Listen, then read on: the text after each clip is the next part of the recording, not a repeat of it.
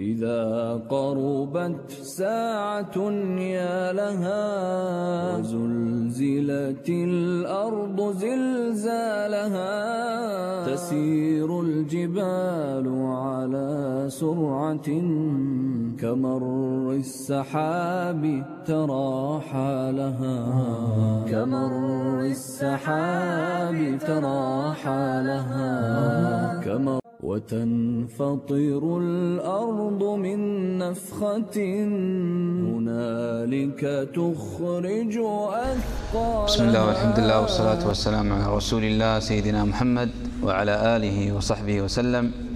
الحمد لله حمدا كثيرا طيبا مباركا كما يحب ربنا ويرضى. الحمد لله على نعمة الإسلام والحمد لله على نعمة الإيمان.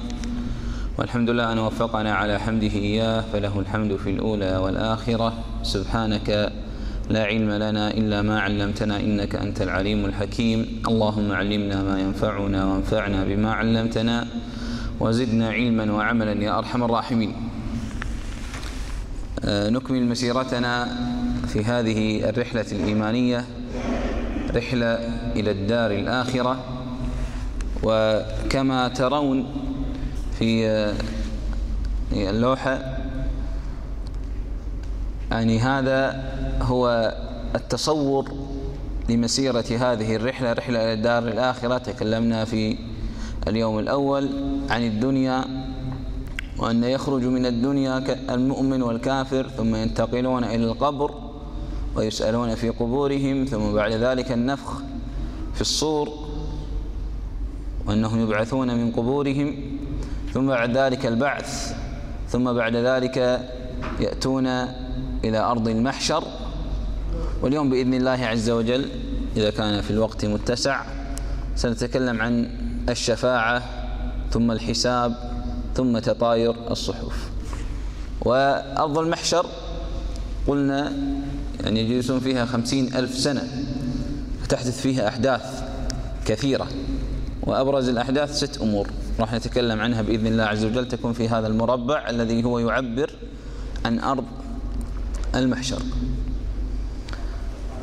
بعض معالم يوم القيامة واليوم الآخر الذي هو يعتبر ركن من أركان العقيدة الإسلامية وأن يجب على كل مؤمن أن يؤمن بأن هناك يوم آخر. وأصلا فضلا عن المؤمن حتى كل عاقل لا يستطيع أن لا يؤمن باليوم الآخر. أما بالنسبة للمؤمنين فأدلتهم في كتاب الله عز وجل وسنة النبي صلى الله عليه وسلم. يقول الله عز وجل ليس البر من آمن بالله ليس البر أن تولوا وجوهكم قبل المشرق والمغرب ولكن البر من آمن بالله واليوم الآخر. قول النبي صلى الله عليه وسلم من كان يؤمن بالله واليوم الآخر. هذه من الأدلة النقلية وكتاب الله عز وجل وسنة النبي صلى الله عليه وسلم. أما عند مخاطبة الكفار لإقناعهم بأن هناك يوم آخر فأمر بسيط. عن طريق العقل لدينا دليلان. أول أمر مسألة العدل والأمر الثاني مسألة الفطر. وفطرة الطمع. الدليل الأول في إثبات اليوم الآخر مسألة العدل. أن الله عز وجل حكيم وعادل ولا يظلم أحدا سبحانه وتعالى. فالآن الناس المظلومين في الدنيا ثم بعد ذلك قتلوا. وشردوا وانتهكت أعراضهم. في كثير من الدول المستضعفة من إخواننا في غزة وفي جميع فلسطين وفي سوريا وفي جميع البلاد المستضعفة. الآن هؤلاء ظلموا في هذه الدنيا ولم يأخذوا حقهم. لو لم يكن هناك يوم آخر تقضى فيه الحقوق لكان هذه الدنيا ليست عدل أن يكون إنسان مظلوم ولا يأخذ حق. كيف الله عز وجل يكون عادل ويأتي إلي ظالم فيأخذ حقي؟ هذا الظالم. ثم أنا أموت من هذه الدنيا ولم يؤخذ لي حقي منها. كيف؟ هذا ظلم. لذلك كان واجبا أن يكون هناك يوم آخر. إذا لم أخذ حقي في الدنيا فإن الله عز وجل سيعوضني به في يوم القيامة. فكان واجبا أن نؤمن باليوم بالله سبحانه وتعالى وبالدنيا وبالآخرة. فلا يكتفى أن يؤمن فقط في الحياة الدنيا بل باليوم الآخر. هذا مجرد العدل. دليل الأول أن كل المظلومين يجب أن يأخذوا حقهم إن لم يأخذوه في الدنيا يأخذوه يوم القيامة. وبه تكتمل المعادلة. تخيلوا لو لم يكن هناك يوم القيامة. كل مظلوم سيذهب إلى الله عز وجل يقول انتهت الدنيا ولم أخذ حقي. أريد أن تحكم بيني وبين الظالم والدنيا انتهت. فكان واجبا أن يكون هناك يوم آخر تقضى فيه الحقوق وهذه من حكمة الله عز وجل وعدله سبحانه وتعالى. الدليل الثاني دليل الطمع. كل إنسان فيه فطرة من فطرته يحب الطمع يطمع. إذا مثلا حصل على مثلا وظيفة معينة وده يرتقي وده يتطور في هذه الوظيفة. إذا مثلا حصل مثلا الله يرزقه في ولد وده ولد ثاني ثالث. إذا مثلا الله رزقه مثلا في مية دينار وده ميتين ألف وده ألفين عشرة آلاف عشرين ألف. يطمع. هذه فطرة موجودة في الإنسان ما في إنسان يعني ينكرها. في كل إنسان يطمع. سواء في الدنيا أو في الآخرة. كذلك مثلا إذا يريد الجنة وإنسان طمعان في الجنة فما يكتفي بركعة يكتفي ثمان ركعات. عشرين ركعة ما يكتفي في ختمة في رمضان. في ختمتين ثلاث أربع عشر ختمات. هذا الطمع موجود طبيعي في كل إنسان سواء مؤمن أو كافر ولا يشبع. فكيف كما قال النبي صلى الله عليه وسلم ما لا يملأ جوف ابن آدم إلا التراب. لو كان لابن آدم واديان من ذهب واديان من ذهب لابتغى ثالثا كما قال عليه الصلاة والسلام. ولا يملأ جوف ابن آدم إلا التراب. أي هذه الطمع موجودة وفطرة الطمع موجودة في كل البشرية. يتساءل المرء كيف الله عز وجل يخلق عندنا ولدينا فطرة الطمع ثم لا يشبعها؟ فالإنسان يخرج من الدنيا ولم يشبع من الدنيا ولم يشبع من ملذات الدنيا. ولم يشبع من شهوات من شهوات الدنيا أي الحلال.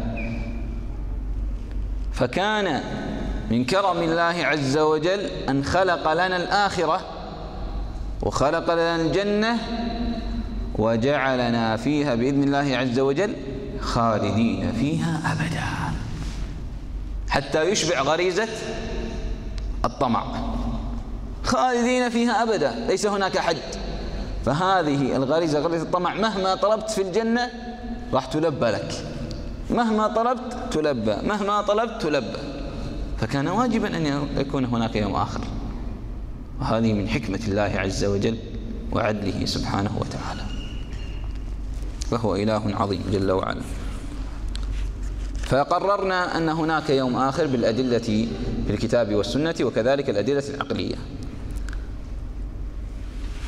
ثم تكلمنا عن أرض المحشر ووقفنا عن مدتها وأخبرنا بأنها خمسين ألف سنة تمر مرا طويلا على الكافر وتمر بسرعة فائقة على المؤمن كصلاة مكتوبة أو كما بين الظهر والعصر. من أهوال يوم القيامة التي تحدث والناس مضطربين ويحشرون. الدواب تحشر والجن والشياطين والإنس ذكورهم وإناثهم كبيرهم وصغيرهم. الشياب والشباب والأطفال يوم يجعل الولدان شيبا كل الناس تحشر. كلهم مختلطين. ليس هناك تمايز فيما بينهم. في هذا الوقت وفي هذا الزمن الله عز وجل يدك الأرض ينسف الجبال سبحانه وتعالى. البحار تتفجر السماء تنشق الشمس تكور وتوضع في النار الكواكب تتساقط.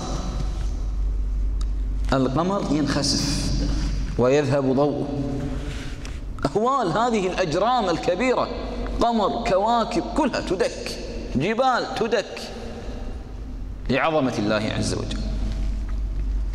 وتدنو الشمس من الخلائق كما قال النبي صلى الله عليه وسلم حتى تكون منهم قدر الميل. فيكون كل واحد منهم يعرق على قدر أعمالهم. كل إنسان يبدأ يعرق على قدر أعماله. إن كان عنده سيئات زيدت فيه وإن كان عنده حسنات خفف عليه. فمنهم من يبلغ عرقه إلى كعبيه ومنهم من يبلغ إلى ركبتيه ومنهم من يبلغ إلى حقويه ومنهم من يلجمه العرق إلجاما وأشار النبي صلى الله عليه وسلم بيده إلى فيه. أن يغرق في الحرق تخيلوا الموقف الآن. ساعة ثنتين الظهر لو قلنا لإنسان يجلس فقط ربع ساعة في حر الظهيرة في الخارج. يتحمل؟ ما يتحمل. ولو جلس أتانا يعني بتعب. وعرق كثير ورائحة لا تطاق. وجسمه منهك. فما بالك بخمسين ألف سنة تحت هذه الشمس والقرب قدر ميل. وكل إنسان على حسب ذنوبه. منهم من يبلغ إلى ركبتيه إلى كوعيه إلى حقويه. ومنهم من يلجمه العرق إلجام أي يغرق في عرقه بسبب ذنوبه. الكثيرة التي بارز الله عز وجل فيها. في هذا الموقف العظيم لولا الله عز وجل قد هيأ خلقنا على تحمل قرب هذه الشمس لانصهر الخلق من قوة هذه الشمس. وهنا يبدأ عندما تبدأ الشمس تقترب ويبدأ العرق يزيد هنا تبدأ الخصومات.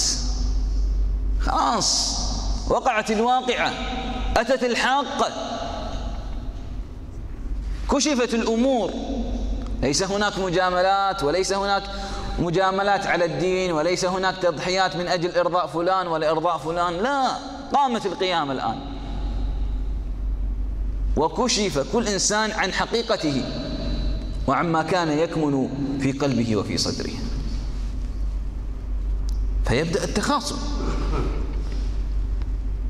فيأتي الضعفاء والمستضعفون في الدنيا الذين اتبعوا أكابرهم وأراذلهم وساداتهم. وكان يقولون الأقوال ويصدرون الأوامر التي فقط ترضي كبراءهم وساداتهم. قال الله عز وجل وقال الضعفاء للذين استكبروا إنا كنا لكم تبعا. كنا في الدنيا ما نخالفكم. ولا نخالف لكم أمر. اللي تبون نسويه ولو كان فيه معصية الله عز وجل. ما بس أهم شيء ترضى. ولا تزعل علي. أهم شيء إن شيء يفرحك وإذا عصيتك ما تضرني أسوي. يخاف من المخلوقين أكبر من خوفه من الخالق. يقدم أوامر المخلوق على أوامر الخالق. يقدم توجيهات المخلوق على أوامر ونواهي الخالق جل وعلا. فحقيقة خوفه من المخلوق يقدمه على خوفه من الخالق. نسأل الله العافية. هؤلاء يوم القيامة يتبرؤون. تأتي إلى الذي كان في الدنيا تجامله وتتبع المصلحة عنده. تريد منه أن ينجيك من عذاب يوم القيامة. إنا لكم تبعا كنا لكم تبعا فهل أنتم مغنون عنا من عذاب الله من شيء؟ فيرد عليهم لو هدانا الله لهديناكم. ما نستطيع خلاص قامت القيامة. التجبر اللي كلنا فيه في الدنيا والطغيان والظلم والاستبداد لم ينفعنا. والدليل على ذلك انظروا إلى كلمة الضعفاء في القرآن. انظروا إلى الرسم العثماني. لو واحد يفتح سورة إبراهيم وردت الضعفاء في سورة إبراهيم وسورة غافر. موضعين هذا الموضع هم ليسوا ضعفاء حقيقيين. الله عز وجل بعمارته يذكر الضعفاء في القرآن أنهم ضعفاء حقيقيين يستحقون الزكاة يستحقون الصدقات. لكن هؤلاء الضعفاء في هذا الموضع هم الذين استضعفوا أنفسهم. جاءك واحد متكبر جاءك واحد مستبد أمرك بأمر يخالف أمر الله عز وجل فامتثلت له. فأنت الذي استضعفت نفسك. أن يوم القيامة الله عز وجل راح يسألك أنت ما الذي فعلت؟ لذلك هم ليسوا في الحقيقة ضعفاء. فرسمت في القرآن على خلاف العادة. وهذا من الإعجاز الرسمي والبياني في القرآن الكريم. رسم القرآن ما هو كل من يأتي ويكتب عادي. لا رسم توقيفي.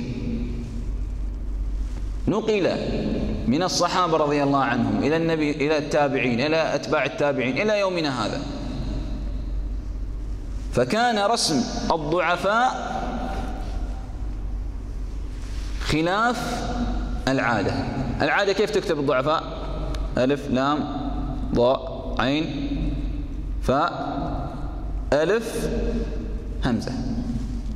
كيف رسمت في القرآن؟ ألف لام ضاء عين فاء واو همزة. لأنهم ليسوا ضعفاء حقيقة. إنما استضعفوا أنفسهم. نسأل الله العافية. هذا في القرآن. شوفوا في القرآن في المصحف الإلكتروني يمكن ما يكون موجود لكن في الرسم العثماني هكذا يكون موجودا.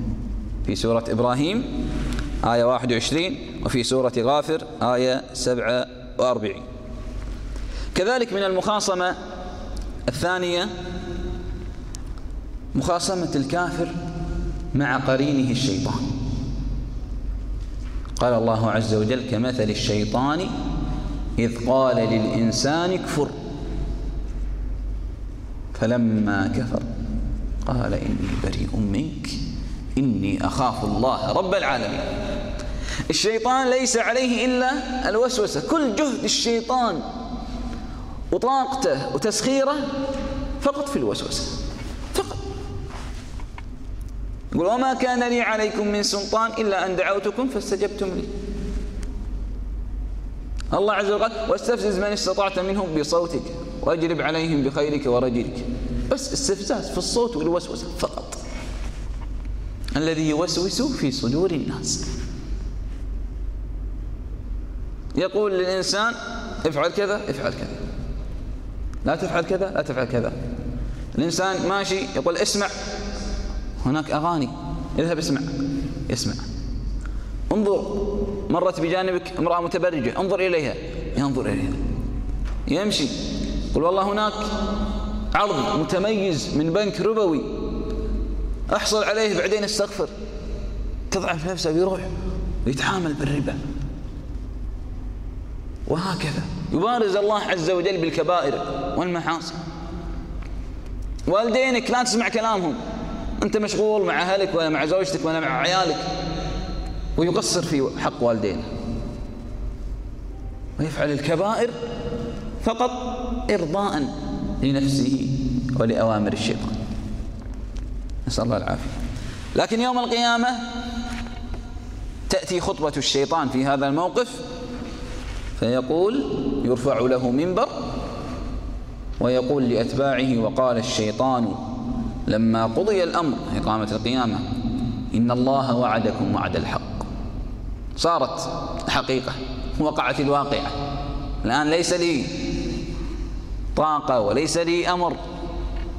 حتى الشيطان يتبرأ ويخاف ويعترف بعجزه وقال الشيطان لما قضي الأمر هذا الشيطان اللي جعلك طول العام تفعل المعاصي وتعصي الله عز وجل وتبارز الله عز وجل بالمعاصي تعصيه سرا وجهرا في غرفتك منفرد وأمام الناس وفي السفر.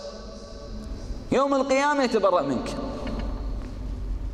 يعني كانت فقط لذة مؤقتة. وقال الشيطان لما قضي الأمر إن الله وعدكم وعد الحق. ووعدتكم فأخلفتكم. كان وعدتك أن راح تستأنس وتفرح وضيع وقتك واستأنس توك الدنيا قصيرة. ووعدتكم فأخلفتكم قامت القيامة. وما كان لي عليكم من سلطان. أي ما ألزمتك أنا. وما كان لي عليكم من سلطان. إلا أن دعوتكم فاستجبتم لي. فقط قلت لك افعل فعلت. ما أخذت بيدك ولا ألزمتك فقط قلت لك انظر نظرت. اسمع سمع. تعامل تعاملت.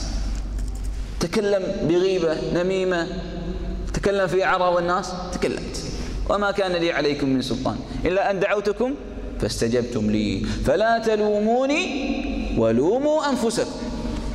ولا ينفع يوم القيامة ندم. ولا ينفع لوم. فلا تلوموني ولوموا أنفسكم. ما أنا بمصرخكم وما أنتم بمصرخي. أي ما أنا بمنقذكم وما أنتم بمنقذي. إني كفرت بما أشركتموني من قبل. إن الظالمين لهم عذاب هو يتبرأ بك يقول أنا كفرت وأنكرت شركك بالله عز وجل معي. وإطاعتك لأوامري وتخليك عن أوامر الله عز وجل.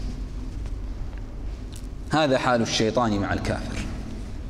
أما حال الكافر يوم القيامة فكما قال الله عز وجل يود المجرم لو يفتدي من عذاب يومئذ ببنيه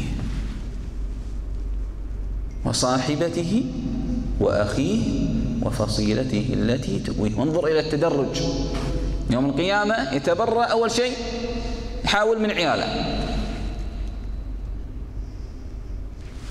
بعد أخيه بنيه بعدين صاحبته أي زوجته بعد أخيه ببنيه وصاحبته وأخيه بعدين تدرج أكبر قال وفصيلته التي تؤويه. أسرته وقبيلته. لكن أهم شيء أنه ينجو من عذاب الله عز وجل. يا رب خذ هذول وعذبهم بس لا تعذبني خذ أبنائي خذ زوجتي خذ أهلي خذ قبيلتي كذا خذ عائلتي. عذبهم بس لا تعذبني. لو يفتدي يعني خذهم بدالي فدوة. لكن لا تعذبني يا رب. يتخلى كل إنسان عن الناس. لأن لا ينفعك إلا عملك الصالح. الذي قدمته في الدنيا هو الذي ينفعك. والله أنا ولد فلان ولا أبوي شيخ ولا عمي شيخ ولا أمي ما شاء الله تصدق. هذا أمك تصدق. الله عز وجل سيسألك أنت. نحن عائلة ما شاء الله محترمة والنعم. لكن الله سيسألك أنت ما الذي عملت؟ ما الذي قدمت؟ ما الذي فعلت؟ كلهم آتيه يوم القيامة فردا. كل إنسان سيأتي الله عز وجل فرد بمفرده يحاسبه الله عز وجل. خاشعة أبصارهم ترهقهم ذلة. إنما يؤخرهم ليوم تشخص فيه الأبصار. مهطعين مقنعي رؤوسهم من الذلة. لا يرتد إليهم طرفهم وأفئدتهم هواء. أفئدتهم خالية. وخاشعة أبصارهم لا يستطيعون أن يرفعوا أبصارهم من شدة هول يوم القيامة والأحداث التي تحدث فيه. سرابيلهم أي ملابسهم وأقمصتهم من قطران من نحاس. وتغشى وجوههم النار. قال الله عز وجل أفمن يتقي بوجهه سوء العذاب يوم القيامة؟ هذه آية سبحان الله كنت ما تفكر فيها شيء عجيب. الآن إذا إنسان أردنا أن يضرب أو مثلا هذا مثلا تحذف على إنسان شخص تريد أن تصيبه. ما الذي يفعله؟ طبيعي كل إنسان ماذا يفعل؟ بيده. يتقي العذاب أو الضرب بيده حتى لا يقع على وجهه لأن الوجه أكرم شيء. كل جسمك تدافع فقط. تفعل ماذا؟ تحافظ على وجهك. انظروا الآية. مرعبة. أفمن يتقي بوجهه؟ يعني يده مغلولة ما يستطيع. يعني يتقي بوجهه العذاب. ليس هناك لديه شيء يستطيع أن يدافع عنه وأن يصرف عنه العذاب إلا بوجهه. كل شيء مغلول. صلى الله العافية. يده غلت إلى عنقه. ما يستطيع أن يصرف العذاب إلا بوجهه. كيف؟ يأتيه العذاب على وجهه. أفمن يتقي بوجهه سوء العذاب يوم القيامة؟ يقول الله عز وجل يوم يسحبون في النار على وجوههم. يحشرون على وجوههم. يمشون على وجوههم. الصحابة رضي الله عنهم استغربوا قال يا رسول الله كيف يمشون على وجوههم؟ كيف يحشرون على وجوههم؟ فقال النبي صلى الله عليه وسلم الذي أمشاهم في الدنيا على أرجلهم قادر على أن يمشيهم في الآخرة على وجوههم. جل وعلا. أفمن يتقي بوجهه سوء العذاب يوم آية عظيمة أما المؤمن العاصي فأحواله أحوال يوم القيامة. الذي لا يؤدي زكاة ماله يوم القيامة يمثل له ماله كأنه ثعبان. في عينيه نقطتان سوداوان. يطوق عنقه. أي هذا الثعبان مالك يصبح على شكل ثعبان ويأتي إلى عنق الذي لم يؤدي الزكاة خائف على ماله في الدنيا يريد المال. ولم يؤدي الزكاة الفريضة التي وجبت في ماله.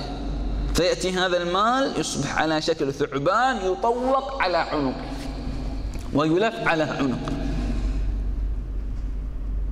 عشان مبالغ. ربما 2.5% من جميع مالك. يوم القيامة يأتي ثعبان.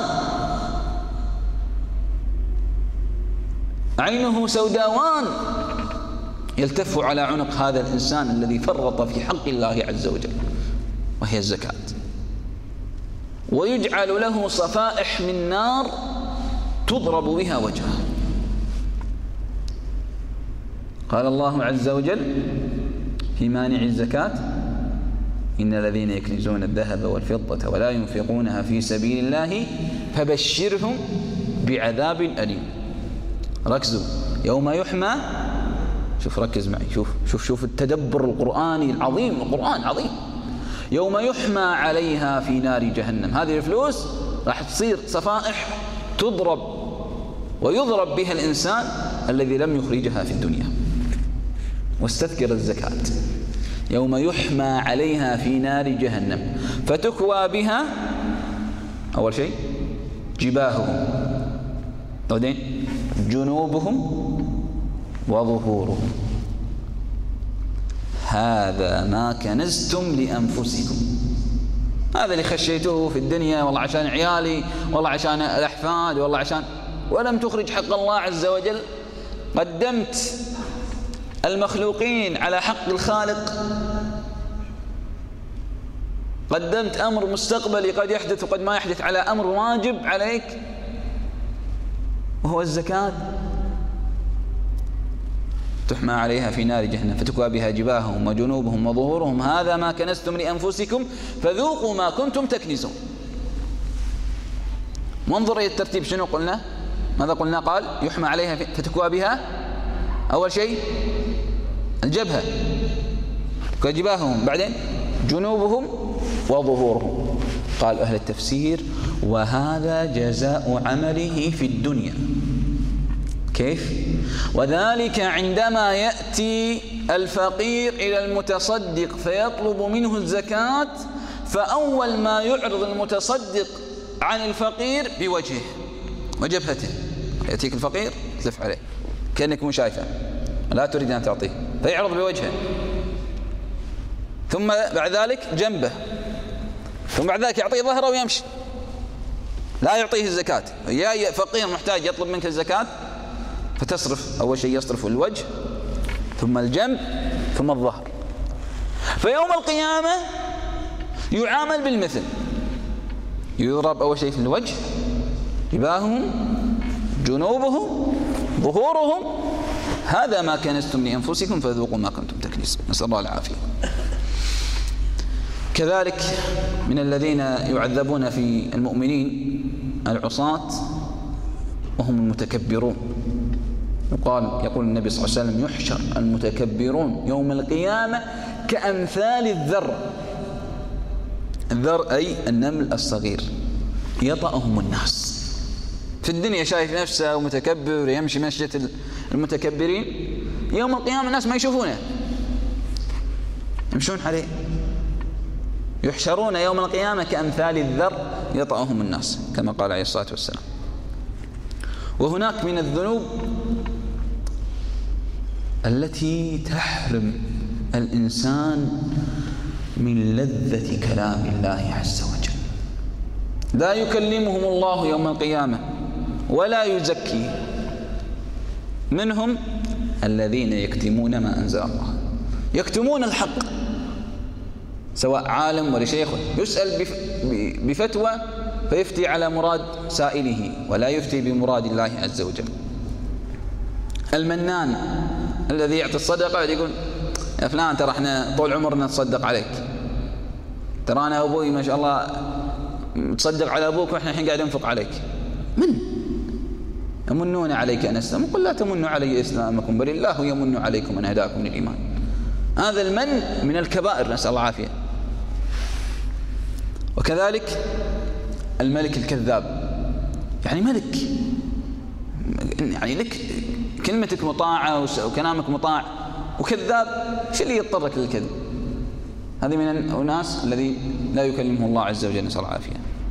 والفقير المتكبر يعني هو فقير لكن يتكبر على الناس.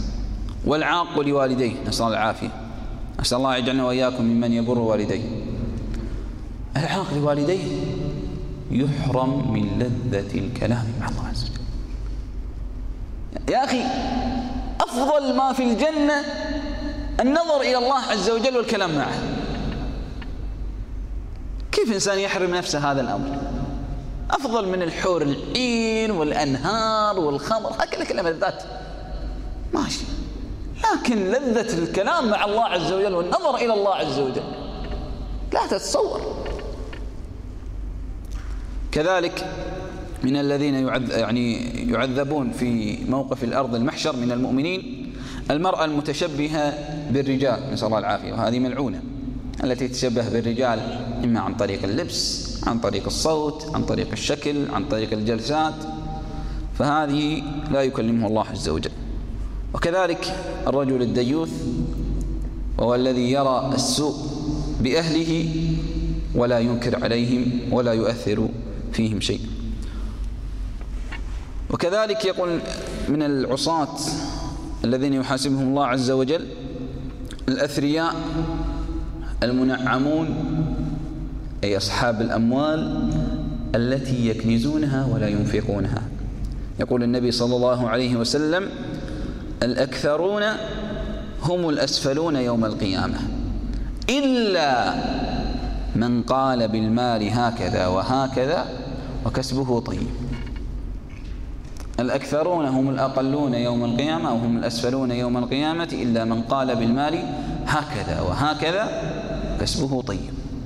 أي كسب هذا المال من رزق حلال وأنفقه في سبيل الله ولم يكنزه خشية إنفاقه في سبيل الله عز وجل. وهذا في صحيح الألباني.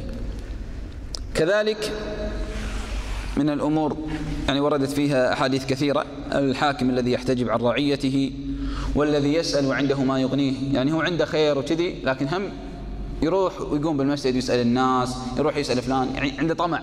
نسأل الله العافية. وكذلك الذي يبصق تجاه القبلة نسأل الله العافية. والكاذب بحلمه. يعني هذه من الأمور يعني يمكن كثير من الناس يجهلها. يعني توعد الله عز وجل بأنه لا يكلمهم ولهم عذاب أليم. الذي يكذب في حلمه يعني يقول أنا رأيت حلم فلاني ويبدي يألف. ويقول أشياء هو لم يرها. فهذه من الأمور التي من الكبائر نهى عنها النبي صلى الله عليه وسلم. هؤلاء حال العصاة يوم القيامة. أما حال الأتقياء فلا يفزعهم فلا فلا يحزنهم الفزع الأكبر. قال الله عز وجل يا عبادي لا خوف عليكم اليوم ولا أنتم تحزنون. يؤمنهم الله عز وجل. قال الله عز وجل ألا إن أولياء الله لا خوف عليهم ولا هم يحزنون؟ وعند دنو الشمس قال النبي صلى الله عليه وسلم سبعة. يظلهم الله في ظل العرش يوم لا ظل إلا ظله. كل إنسان يسأل نفسه هل أنا من هؤلاء السبعة؟ حتى أطمئن وأجتهد وأستمر على هذا الخير. أم إني لست من منهم فأجتهد حتى أكون منهم أو أجمع هذه الصفات السبعة؟ قال النبي صلى الله عليه وسلم إمام عادل حاكم عادل في رعيته وشاب نشأ في عبادة الله. هل أنا شاب ناشئ في عبادة الله؟ قلبي معلق في المساجد أحفظ القرآن أصوم رمضان أقرأ القرآن عندي صحبة صالحة أمشي معها. أم أني لا والله أضيع وقتي في الجمعيات وفي المولات وفي الأسوقة. وفي الأمور التي لا تسمن ولا تغني من جوع بل ربما تضرني أكثر مما تنفعني. هل أريد أن أستظل بظل العرش يوم القيامة أم أريد أن أجلس تحت الشمس التي تقرب مني مقدار ميل؟ أنت تحدد مصيرك. كن من هؤلاء السبعة المتميزين. ورجل معلق قلبه بالمساجد. ما يستطيع يطلع من المسجد. وإن خرج من المسجد خرج بجسده. أما قلبه فعاكف على كتاب الله عز وجل عاكف على حب الله عز وجل. يرجع البيت يجلس مع أم العيال يقول والله بريح لي قعدوني حق الصلاة؟ إيه يصلي. يرجع يتقدم مع أهل بيته يقول ها كم باقي على الصلاة؟ قلبه معلق في المساجد. إذا أراد أن يواعد إنسان أو مثلا يكلم إنسان يقول تعالي قبل الصلاة. تعالي بعد الصلاة. تعالي قبل الصلاة بنص ساعة بعد الصلاة بنص ساعة. قلبه معلق في المساجد. ما يستطيع أن يفارق المساجد. دائما يصلي في المسجد دائما يصلي في المسجد. هؤلاء أصحاب المساجد حمامة المسجد يظلهم الله عز وجل في ظل عرشه يوم لا ظل إلا ظله فأبشروا يا أهل المساجد.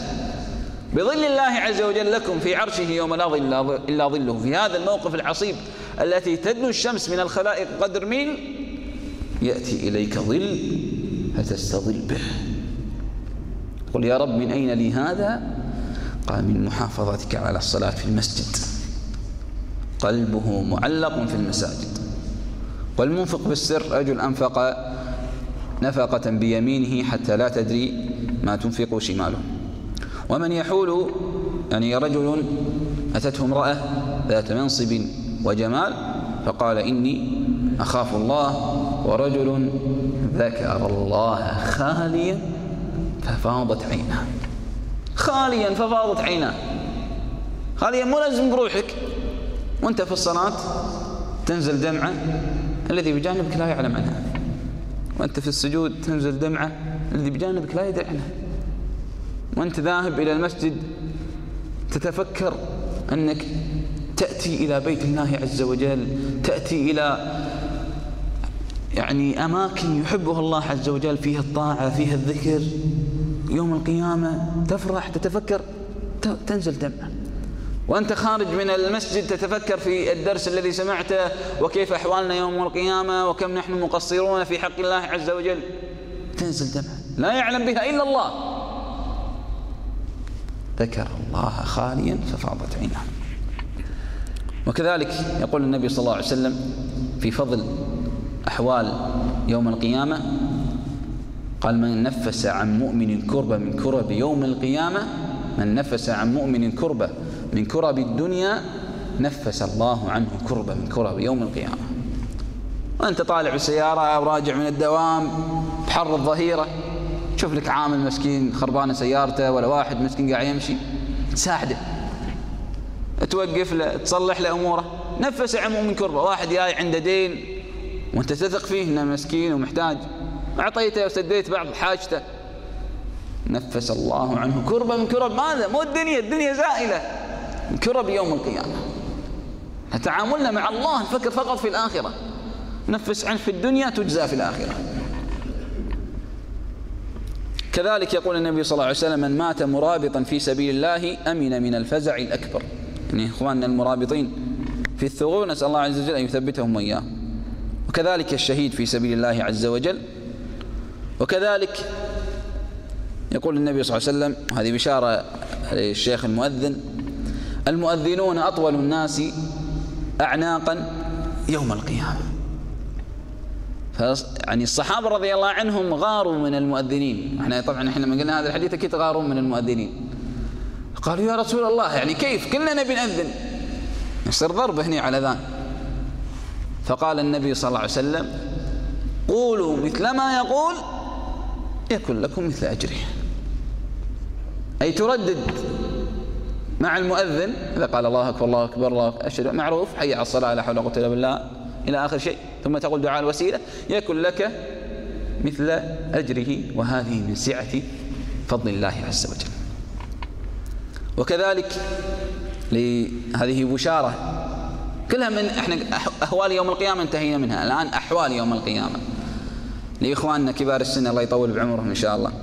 يقول النبي صلى الله عليه وسلم في الحديث الصحيح من شاب شيبة في الإسلام كانت له نورا يوم القيامة. كانت له نورا يوم القيامة. فأبشر يا من طال عمرك في سبيل الله عز وجل وحسن عملك بنور.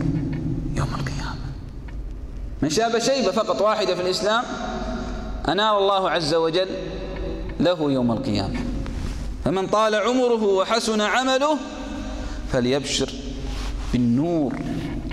في يوم يكون فيه الناس أشد ما يحتاجون إلى النور. يوم تكثر فيه الظلمات الشمس تحرق في النار والكواكب تندثر والنجوم ينطفئ نورها.